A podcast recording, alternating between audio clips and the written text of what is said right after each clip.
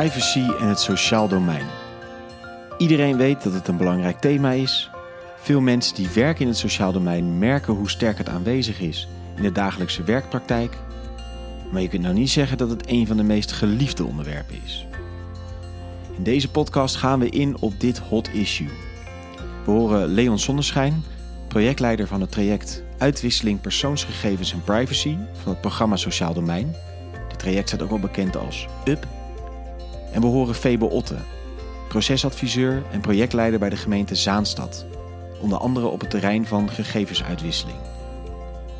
Zij vertellen over de uitkomsten van het traject UP, over wat er nodig is om gegevensuitwisseling op de werkvloer op de juiste manier te laten verlopen.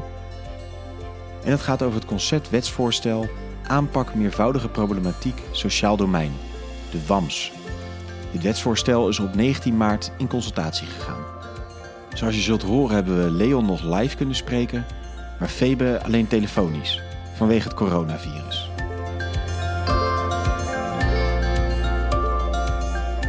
Maar allereerst, wat maakt privacy in het sociaal domein nou zo'n complex thema?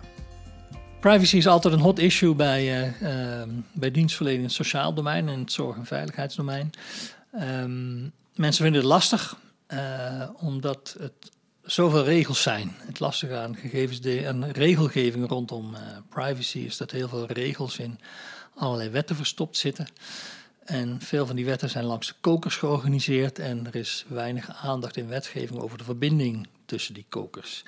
Uh, dat maakt het lastig voor professionals om uh, te kunnen weten uh, welke gegevens in welke situatie wel en niet mogen verwerken en uitwisselen. Waar wij als uh, ambtenaar, als gemeente, zeg maar, uh, wel eens tegenaan lopen, is dat je uh, privacy een beetje droog benadert, zeg maar, als een, als een juridisch vraagstuk.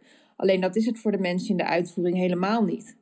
Um, zij krijgen gewoon te maken met verhalen. En in de wet staan altijd mooie regeltjes over dat je moet afwegen of iets proportioneel is en noodzakelijk en al dat soort dingen. Maar de. Um, professionals in de wijkteams die denken gewoon, ja, uh, ik, ik moet mijn cliënt helpen. Nou, je ziet dat er in praktijk dan heel veel discussie op de werkvloer plaatsvindt over welke gegevens nou wanneer uh, verwerkt mogen worden en waarvoor gebruikt mogen worden. Dus het levert vooral heel veel gedoe op op de, op de werkvloer. Moet er dan niet gewoon betere privacywetgeving komen? Ja, je kunt met wetgeving nu eenmaal niet helemaal, wil je ook niet helemaal voorschrijven hoe de uitvoering dingen moet gaan doen. Maar als organisaties dingen op een bepaalde manier organiseren, moeten ze bij het inrichten daarvan ook heel goed nadenken over en wat betekent dat nou voor de gegevensverwerking? Wat betekent dat voor de mensen die het werk doen met betrekking tot de gegevens die ze kunnen verwerken en mogen verwerken? Uh, en mijn stelling is altijd: gegevensverwerking en privacy is voor 80%, misschien wel 85% een organisatievraagstuk. 80 tot 85 procent is een organisatievraagstuk, zegt Leon. En de rest is wetgeving en zorgvuldig handelen van de professional. Laten we dan eerst ingaan op wat nu niet goed gaat met privacy en gegevensverwerking binnen organisaties en hoe dit beter kan worden ingericht. Hoe gaat Zaanstad hier bijvoorbeeld mee om? Toen, we, toen decentralisaties zeg maar net een feit waren, toen uh, waren wij heel terughoudend eigenlijk met het um, meegeven van instructies. Um, omdat wij um, ons er ook wel van bewust waren dat wij als uh, gemeente een stuk verder van de praktijk stonden dan de hulpverleners. en dus hebben wij toen vooral een paar ja, richtlijnen meegegeven. Het waren eigenlijk hele simpele zinnen als um, maak een afweging over wat wel of niet noodzakelijk is. Uh, kijk of je gegevens echt nodig hebt om iemand te kunnen helpen. Um, wees transparant over hoe je je werk doet. Uh, dus als je gaat bellen met, uh, weet ik veel, school van een kind of zo, laat dat die ouders ook even weten. In een onderzoek in 2018 gaf de autoriteit persoonsgegevens echter aan dat deze instructies te vaag waren. Zaanstad werkt met de zelfredzaamheid-matrix en daar zei de autoriteit het volgende over. Ze hebben gezegd van nou, wij vinden dat het niet kan dat je standaard, uh, als iemand met een eenvoudige vraag komt, dat je dan standaard die zelfredzaamheid-matrix uh, maar gaat afakkeren. Uh, want er zijn een hele hoop hulpvragen, daar is dat gewoon helemaal niet nodig. Als iemand met een, met, een, met een aanvraag komt voor een scootmobiel, hoef je niet meteen te gaan vragen of die psychiatrisch problemen heeft of iets anders. Dus dat, dus dat is niet aan de orde. Er moet een duidelijke link zijn tussen de vragen die je stelt en de informatie die je vraagt en, en het de probleem, de, hulpvraag van de burger. Twee, dat ze zeiden, nou, we hadden een aantal dossiers gelicht waarin zeiden, ja, we zien dat er hier heel veel informatie in het dossier staat die helemaal niet relevant is voor de hulpvraag en ook niet, verder niet meer gebruikt wordt uh, in het beoordelen van de hulpvraag. Dus ze zeiden van op het moment dat je vragen stelt aan een burger, het is logisch dat je een soort gesprek hebt om te verkennen wat is er hier aan de hand, waar kunnen we mee helpen. Uh, nou, we weten dat er misschien schulden zijn en dan weten we dat er sommige andere problemen vaak mee samenhangen. Prima als je dat verkent. Maar als je tot de conclusie komt dat het uiteindelijk een deel van die informatie niet nodig is en niet noodzakelijk is, dan moet je hem ook niet opschrijven. Dus uh, zijn we nu uh, ja, wat uh, uitgebreider in ehm, de instructies die we geven. Ehm, maar we merken ook wel dat dat nog steeds wel heel lastig is. Want het onderzoek van de autoriteit persoonsgegevens was natuurlijk vooral gericht op uh, of wij voldoen aan de wet. Um, en waar dat natuurlijk wel belangrijk is dat je voldoet aan de wet, heb je ook nog gewoon de praktijk, waarin mensen nou eenmaal um, hun verhaal doen en uh, aangeven dat zij uh, bepaalde dingen wel of niet in hun dossier opgenomen willen hebben. Um, en ja, daar zit altijd wel een dilemma, denk ik, voor, zeker voor de mensen in de uitvoering. Die, die, die maatvoering die is heel erg belangrijk. En professionals kunnen dat heel goed, maar je moet ze wel op dat punt zetten. Er moet dus een duidelijke link zijn tussen de informatie die je vraagt, de informatie die je registreert, de informatie die je deelt en de taak die je uitvoert. Als je die duidelijkheid hebt, verdwijnen niet alle dilemma's als sneeuw voor de zon, maar je dilemma's worden er wel een stuk scherper door. Om gemeenten hierbij te helpen is vanuit het traject UP door de ministeries en gemeenten een stappenplan opgeleverd. En als er dus een duidelijke link moet zijn tussen welke gegevens je registreert of deelt en de taak die je uitvoert, dan is stap 1 natuurlijk met welke taak ben ik nou bezig als professional? Nou, je ziet heel vaak uh, op dit moment in het sociaal domein heel veel gemeenten die taken uitbesteden aan uh, wijkteams. Uh, en vaak zie je dat die wijkteams dan eigenlijk twee verschillende soorten taken doen. Enerzijds doen ze toeleidingstaken naar voorzieningen, dus bepalen welke voorzieningen uh, een burger nodig heeft. En dit is een taak die typisch uh, valt onder de verantwoordelijkheid van het college van burgemeester en wethouders. Daarnaast zie je dat heel vaak in die wijkteams ook een stuk hulpverlening wordt gedaan. En daar liepen veel mensen bij ons in de jeugdteams wel tegenaan dat ze zeiden van goh, ik ben altijd jeugdhulpverlener. Um, maar ik werk ook in de gemeentelijke toegang. En in de gemeentelijke toegang heb je te maken met dingen als rechtmatigheid, met uh, um, als je fraude constateert of uh, uh, dan moet je daar wat mee. Um, terwijl als jeugdhulpverlener heb je de instructie dat je dat echt niet mag. dat de vertrouwelijkheid tussen jou en je cliënt voorop staat. Um, dus dat zorgt soms wel eens voor dilemma's voor jeugdhulpverleners die, weet ik veel, bijvoorbeeld een wietplantage op zolder tegenkomen. Um, hoe ga je daar dan mee om? Um, en vaak kan je dan vanuit de veiligheid, kan je daar dan nog wel een melding van doen. Maar het is toch een, een, steeds een dilemma voor uh, mensen. En daarom is stap 1 van het stappenplan. Begin nou met de vraag, met welke taak ben ik hier bezig? Uh, ben ik hier bezig met een wettelijke taak voor het college om toe te leiden naar hulpverlening? Ben ik bezig met een hulpverlenerstaak? Andere partijen kunnen weer bezig zijn met het uitvoeren van, nou, noem eens op, een je jeugdbeschermingsmaatregel. Dat zijn allemaal verschillende dingen, maar je moet je bewust zijn van die taak. Uh, een tweede stap, en dat is ook heel erg nodig om het in te richten, is en welke activiteiten verricht ik nu in het kader van die taak? Wat zijn nou eigenlijk de stappen in het werkproces uh, die, die horen bij die taakuitvoering. Hè. Bij het toeleiden naar, uh, naar hulpverlening zet je een aantal stappen. Je gaat verkennen wat is de hulpvraag. Je gaat kijken wat zijn de mogelijkheden om daaraan te doen. Uh, dan kunnen we misschien deze en deze hulp verlenen. Wat zijn de criteria? Dus er zitten allerlei stappen in die heel helder zijn. En daaruit volgt ook eigenlijk heel helder welke gegevens je steeds nodig hebt om te verwerken. Uh, als je met hulpverlening bezig bent, is dat weer een heel ander type proces. Want dan ben je veel meer bezig met iemand te helpen, een open gesprek te voeren over dingen die er aan de hand zijn. En met iemand te zoeken naar dingen die hij zelf kan doen. Uh, of in samenwerking met zijn omgeving om tot een oplossing te komen. Het is een heel ander type proces. Uh, waarbij je dus ook heel andere gegevens en vaak veel dieper gegevens uh, verwerkt. Nou, het nadenken over wat hoort nou waar is een hele belangrijke om te kunnen nadenken over de gegevens die je verwerkt. Om vervolgens bij stap 3 aan te komen, wat zijn dan de noodzakelijke gegevens per doel? Nou, heel vaak zie je dat dat doel dan een beetje op een heel abstract hoog niveau wordt, uh, wordt, wordt, wordt, wordt, benoemd. Wij werken aan dat het beter gaat met jongeren of aan het samenhang in de wijk.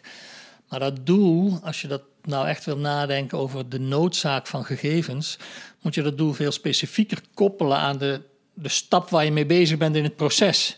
Als ik nog een beetje het verkennen ben met iemand van goh, uh, uh, wat voor hulpvraag heb je eigenlijk? En uh, dan is dat iets heel anders dan dat je denkt, nou, deze persoon die heeft, uh, heeft, heeft schuldenproblematiek. Uh, en dus ga ik al een aantal stappen dieper om te kijken, natuurlijk, oké, hoe, hoe groot zijn die schulden, maar ook wat zijn de achterliggende oorzaken van die schulden. Op het moment dat je een toetsen bent of iemand in aanmerking komt voor een voorziening, ja, dan hoef je vooral maar gegevens te verwerken om te kunnen toetsen op een aantal criteria. Zo zie je dat eigenlijk per stap veel meer je moet kijken welke gegevens noodzakelijk zijn. En dan valt mij altijd op als je dat gesprek voert met professionals, dat als je dat maar even zo meer behapbaar maakt voor hun, met de vraag van, goh, maar als je nou hiermee bezig bent, wat zijn dan de gegevens die je nodig hebt? Um, dat ze dat dan eigenlijk steeds heel goed kunnen benoemen. En het interessante is dat je dan A ziet dat opeens het idee van we hebben heel veel gegevens nodig, dat, dat, dat wordt heel snel wat kleiner tot, ja, maar op dit moment heb ik eigenlijk alleen deze gegevens nodig. Misschien heb ik later wel meer gegevens nodig, maar nu heb ik alleen maar een beperkte hoeveelheid gegevens nodig. En daarmee maak je natuurlijk de vraag of het mag of niet mag, maak je ook daarmee ook een stuk kleiner. Ja, bijvoorbeeld als een, als een school uh, een kind aanmeldt. De school wil dan terugkoppeling van hoe het staat met die casus. alleen de jeugdhulpprofessionals denken niet altijd dat de school dat allemaal hoeft te weten. Um, dus daar uh, zijn we wel eens gesprekken over. Dat we kijken van, goh, hoe kunnen we nou voor zorgen dat ze op school wel het idee hebben van uh, deze leerling wordt geholpen. Zonder dat ze alle ins en outs van een casus weten. Ook Leon noemt een voorbeeld waarin een gemeente graag inzage wilde in een behandelplan van een jeugdhulpverlener. Nou, dat behandelplan is iets wat juist heel erg valt onder het beroepsgeheim van een jeugdhulpverlener. Die wil best wel informatie verstrekken, maar niet een heel behandelplan. Dat is veel te gevoelige informatie toen gingen we met die, die, die mensen van de gemeente en die jeugdhulpverlener gingen we, gingen we het hebben over van ja, maar wat is nou eigenlijk de beslissing waar je voor staat? En toen zei die man van de gemeente, die zegt van ja, ik moet beoordelen of het onder de lichtere vormen van hulpverlening valt of onder de zwaardere vorm van hulpverlening. En toen vroegen we van, maar wat zijn nou de criteria die daarvoor maatgevend zijn? En toen zei hij, maatgevend is of iemand met een bepaalde specialisatie wordt ingezet of niet. Ze zeiden van, oh, dus je hoeft niet het hele behandelplan te weten. Je wil weten of iemand met een bepaalde specialisatie wordt ingezet of niet. Ja, dat is wat ik wil weten. En toen zei de jeugdhulpverlener, ja, dat kan ik je wel vertellen. dus je ziet ook doordat vaak er onhandige vragen gesteld worden en eigenlijk niet goed stilgestaan wordt bij van wat, wat, wat moet ik nou eigenlijk weten? Wat is de afweging waar ik voor sta? Uh, er vaak ook heel veel discussie ontstaat, omdat mensen de neiging hebben om veel meer gegevens op te vragen dan noodzakelijk. Stap 1 is dus je afvragen met welke wettelijke taak of welke werkzaamheden ben ik bezig. Stap 2. Welke activiteiten en doelen komen voort uit deze taak? En stap 3. Wat zijn dan de noodzakelijke gegevens per doel? Om tot slot uit te komen bij stap 4. Wat is de juridische onderbouwing voor gegevensuitwisseling? En, uh, nou, en eigenlijk zeg je, als je dan die taak hebt en de activiteit en de noodzaak per stap een beetje, als je dat soort vragen steeds stelt, ja, dan kun je vaak ook wel beoordelen van, nou, kan het nu wel of niet? Uh, want op het moment dat je een wettelijke taak hebt, dan mag je in de regel de gegevens verwerken die noodzakelijk zijn. Maar als jij niet kunt benoemen op grond van welke taak je die gegevens wilt verwerken, dan heb je een probleem. En als je niet kunt benoemen waarom de gegevens noodzakelijk zijn, dan is het een probleem. Ik spreek heel veel privacy officers van, van, van allerlei organisaties en zeggen, ja, dan komen de mensen bij mij altijd met de vraag, mag het of mag het niet? En dan is eigenlijk altijd het antwoord wat de privacy officer geeft, ik zou het niet weten. Want geef me eerst meer informatie. Van waar ben je mee bezig? Welke taak voer je uit? Wat ben je aan het doen? Waarom heb je op dat moment die gegevens nodig? Kun je dat goed onderbouwen? En dan kom je meestal wel aan heel eind. In de regel moeten organisaties aan partijen, aan, aan professionals duidelijk maken: kijk, jij bent bezig met deze wettelijke taak en daarom mag je gegevens verwerken. Maar welke gegevens in een specifiek geval noodzakelijk zijn, dat is jouw professionele afweging, maar je moet het wel kunnen onderbouwen. En daar moet je dan goed over nadenken, dat je niet meer gegevens steeds vraagt of verwerkt dan nodig. Die heldere koppeling dus tussen taak, doel en uiteindelijk benodigde gegevens maakt volgens Leon dus ongeveer 80 tot 85 procent van de privacyvraagstukken uit. Maar er blijft wel altijd iets knagen en dat heeft te maken met een onvolkomenheid die zit in de regelgeving rondom gegevensverwerking en privacy. De opzet van de decentralisaties was destijds de slogan één gezin, één plan, één regisseur. Wat impliceert dat als een burger meerdere problemen heeft of in een gezin meerdere problemen spelen, dat je dan tot een samenhangend plan kunt komen om die, die vraagstukken in samenhang op te lossen. Um, nou, de autoriteit persoonsgegevens heeft steeds betoogd dat de wetgever dat beter in wettelijke taak had moeten regelen, zodat er een goede grondslag is voor de gegevensverwerking die nodig is om tot zo'n integrale aanpak te komen. Daar kun je over discussiëren. Het kabinet heeft destijds in een kabinetsvisie aangegeven dat zij van mening is dat die grondslag er wel is.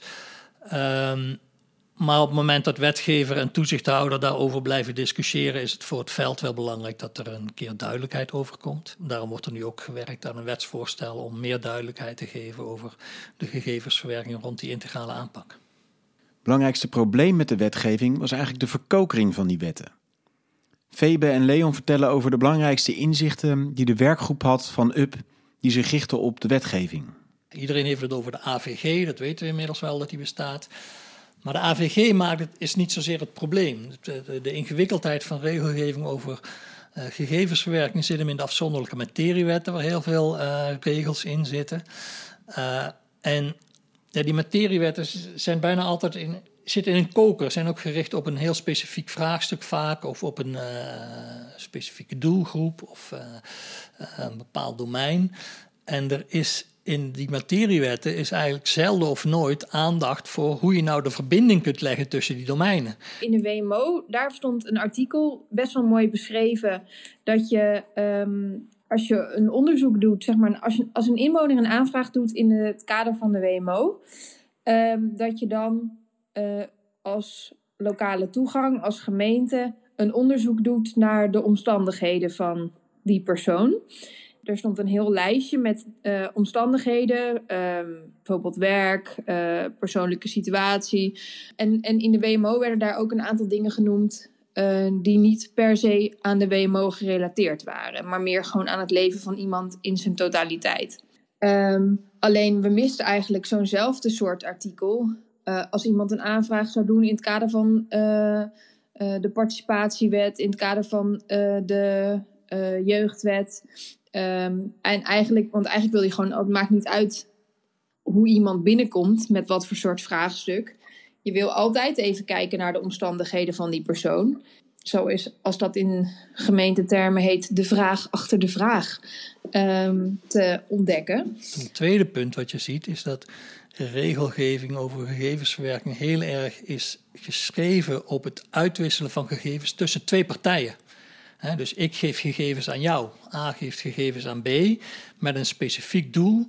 Uh, en daar hebben we getoetst of die gegevens ook noodzakelijk zijn. Uh, en dan kan ik jou de gegevens geven als daar voldoende wetgeving voor is. Maar zeker bij die complexe problematiek zit je vaak met meerdere partijen die iets met elkaar moeten. En er is eigenlijk geen goed juridisch kader voor die situatie waarin je in een soort multidisciplinaire setting uh, eigenlijk in één keer gegevens deelt met meerdere partijen. En daarom is dus recent het conceptwetsvoorstel aanpak meervoudige problematiek sociaal domein in consultatie gegaan. Dit conceptwetsvoorstel is door gemeente en ministerie samen ontwikkeld en gaat redenerend vanuit de werkpraktijk voor een aantal zaken een juridische onderbouwing bieden. De eerste situatie is: er komt een man of vrouw bij de balie en dan? Wat moet er dan kunnen om A te kunnen verkennen of er sprake is van meervoudige problematiek, om dan eventueel tot een integrale aanpak te kunnen komen en ook om dan die aanpak in de uitvoering te kunnen coördineren. waar nu het ingewikkelde zit, is dat uh, er gezegd wordt van nou, er is geen goede juridische basis om te kunnen verkennen of er sprake is van multiproblematiek. Um, uh, en dat is eigenlijk wat er nou gaat gebeuren. Maar wat je dan ziet, wat, wat zijn nou eigenlijk logischerwijs de stappen die je dan moet kunnen zetten? Uh, als er een burger zich meldt met een vraag, moet je kunnen verkennen: goh, is er hier meer aan de hand? Dus één ding wat, wat mogelijk gemaakt moet worden met die wet is uh, dat het college kan verkennen of er sprake is van multiproblematiek en welke partijen dan nodig zijn om tot een goede aanpak te komen. Het eerste dat de wet expliciteert is dus dat het college zo'n verkenning kan doen als een burger zich meldt. Uh, nou, dat is mooi als je die, die verkenning hebt gedaan of die onder, dat onderzoek hebt gedaan en dan weet je wat er aan de hand is. En dan uh, uh, is natuurlijk ook de bedoeling dat je dingen gaat, gaat, gaat doen. Dus op basis van dat onderzoek kun je een werkplan samenstellen. Waar je zegt, oké, goed, dan hebben, als we dit het probleem is, dan maak je afspraken, dan ga jij dit doen. En de zorgverlening gaat, gaat dit doen. als college verstrekken we deze voorzieningen. en nou, dat doe je in samenspraak met de burger natuurlijk, want de burger uh, kan alleen uh, hulp krijgen als hij dat zelf ook wil in dit soort situaties. Um, maar dan kun je een werkplan opstellen. En dan moet je oppassen dat er niet het ene plan over het andere heen buitelt. Um, um, want vaak zitten er in allerlei deeltrajecten ook wel werkplannen. De, de jeugdwet kent een gezinsplan en, en dergelijke. Ik denk dat in de wet, zoals die eruit komt te zien, uh, dat werkplan veel meer bedoeld wordt als een manier om uh, de afspraken en de verschillende trajecten die er lopen, om die te kunnen coördineren. Dat is geen, uh, geen zwaar plan in de zin van dat dat alle andere plannen overbodig maakt. Uh, het is ook niet dat het andere plannen overroelt, maar het moet vooral gezien worden als een werkplan wat in staat stelt om de verschillende trajecten die er lopen, om die goed met elkaar te kunnen afstemmen. Het derde is natuurlijk, ja, een werkplan is één ding, maar als je nou met z'n allen tot zo'n integrale aanpak gekomen bent, is het ook wel handig als je tijdens de uitvoering uh, die afstemming vasthoudt en uh, die, die coördinatie kunt voeren, met elkaar regelmatig kijkt of het plan doet wat het moet doen, of er misschien ergens een bijstelling nodig is, misschien is een traject heeft zijn werk gedaan, dan hoeft die partij daar ook niet meer verder bij betrokken te zijn. Dus die coördinatie, dat is eigenlijk de derde stap die, uh, die, die, die geregeld zal worden het wetsvoorstel. Het concept wetsvoorstel verankert verankert dus dat het college een verkenning mag doen, een werkplan mag opstellen en vervolgens daar coördinatie op mag zetten. Dat klinkt niet als hele baanbrekende nieuwe dingen. En het gaat eigenlijk niet zozeer om dat dit wetsvoorstel nou hele nieuwe dingen regelt of nieuwe dingen mogelijk maakt. Het gaat veel meer om het expliciteren van de, van de taken die eigenlijk uh, beleidsmatig al bij, uh, bij met name het college van, uh, van BMW liggen.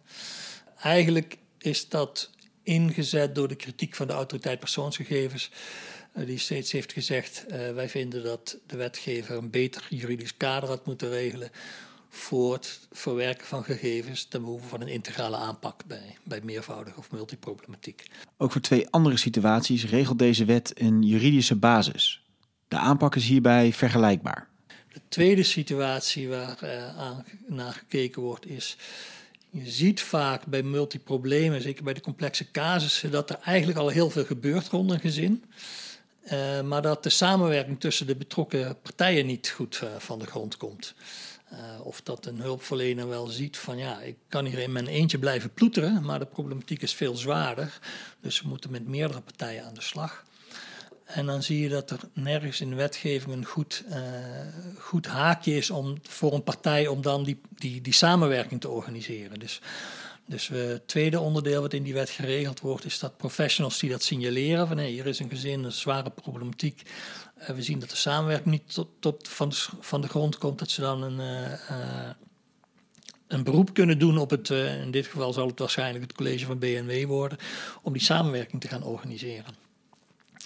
In zekere zin zet je dan eenzelfde soort stappen als in de situatie dat een burger zichzelf meldt. In de, in de zin dat het college uh, verkent wat er dan aan de hand is, welke partijen eventueel betrokken zouden moeten worden, tot een plan kan opstellen samen met die partijen en uh, tot coördinatie kan komen. Alleen, het is wel zo dat je kunt zeggen, het is toch wel wat anders of een burger zichzelf meldt. Ik heb hulp nodig, help mij Of dat een instantie eigenlijk zegt van ja, ik zie dat het niet goed gaat met die persoon, uh, dus ik ga hem melden om tot een integrale aanpak te komen. Natuurlijk mag je ervan uitgaan dat die instantie dat eerst probeert met die burger zelf uh, te overtuigen dat het nuttig is om die stap te zetten. Uh, maar je ziet ook dat in sommige gevallen, zeker als er vaak sprake is van uh, ernstig overlastgevend gedrag of van bepaalde problematiek, zie je ook vaak dat dit vaker voorkomt bij mensen die zorgmijdend zijn. Ehm, maar dan moet je wel extra criteria stellen voor die bevoegdheid ingeroepen kan worden. Uh, en het derde wat er geregeld wordt is. Uh, nou, er zijn eigenlijk al vrij lang meldpunten in Nederland. Hè, als meldpunten voor personen met verwacht gedrag, mensen die, die kampen met psychische problematiek. En dan kunnen buren bijvoorbeeld die zien van hé, het gaat hier volgens mij niet goed. Er is iemand die heeft hulp nodig. Uh, die kunnen dan een melding doen bij zo'n meldpunt. Nou, daarvan zien we dat er eigenlijk ook wel een, een betere juridische basis nodig is om dat te regelen. Uh, en, um, en dat wordt in het wetsvoorstel geregeld. Dus zodra die wetgeving er is, denk ik dat het inderdaad een stuk makkelijker wordt om gegevens uit te wisselen. Um, niet per se dat je dan niet meer kritisch moet zijn naar of het wel nodig is. Uh, en of het, weet het proportioneel en noodzakelijk uh, is. Maar wel dat het uh, mogelijk is om in één plan zowel de problemen van een kind te benoemen als die van een ouder. Of um, dat je echt een gezinsplan kunt maken op verschillende terreinen.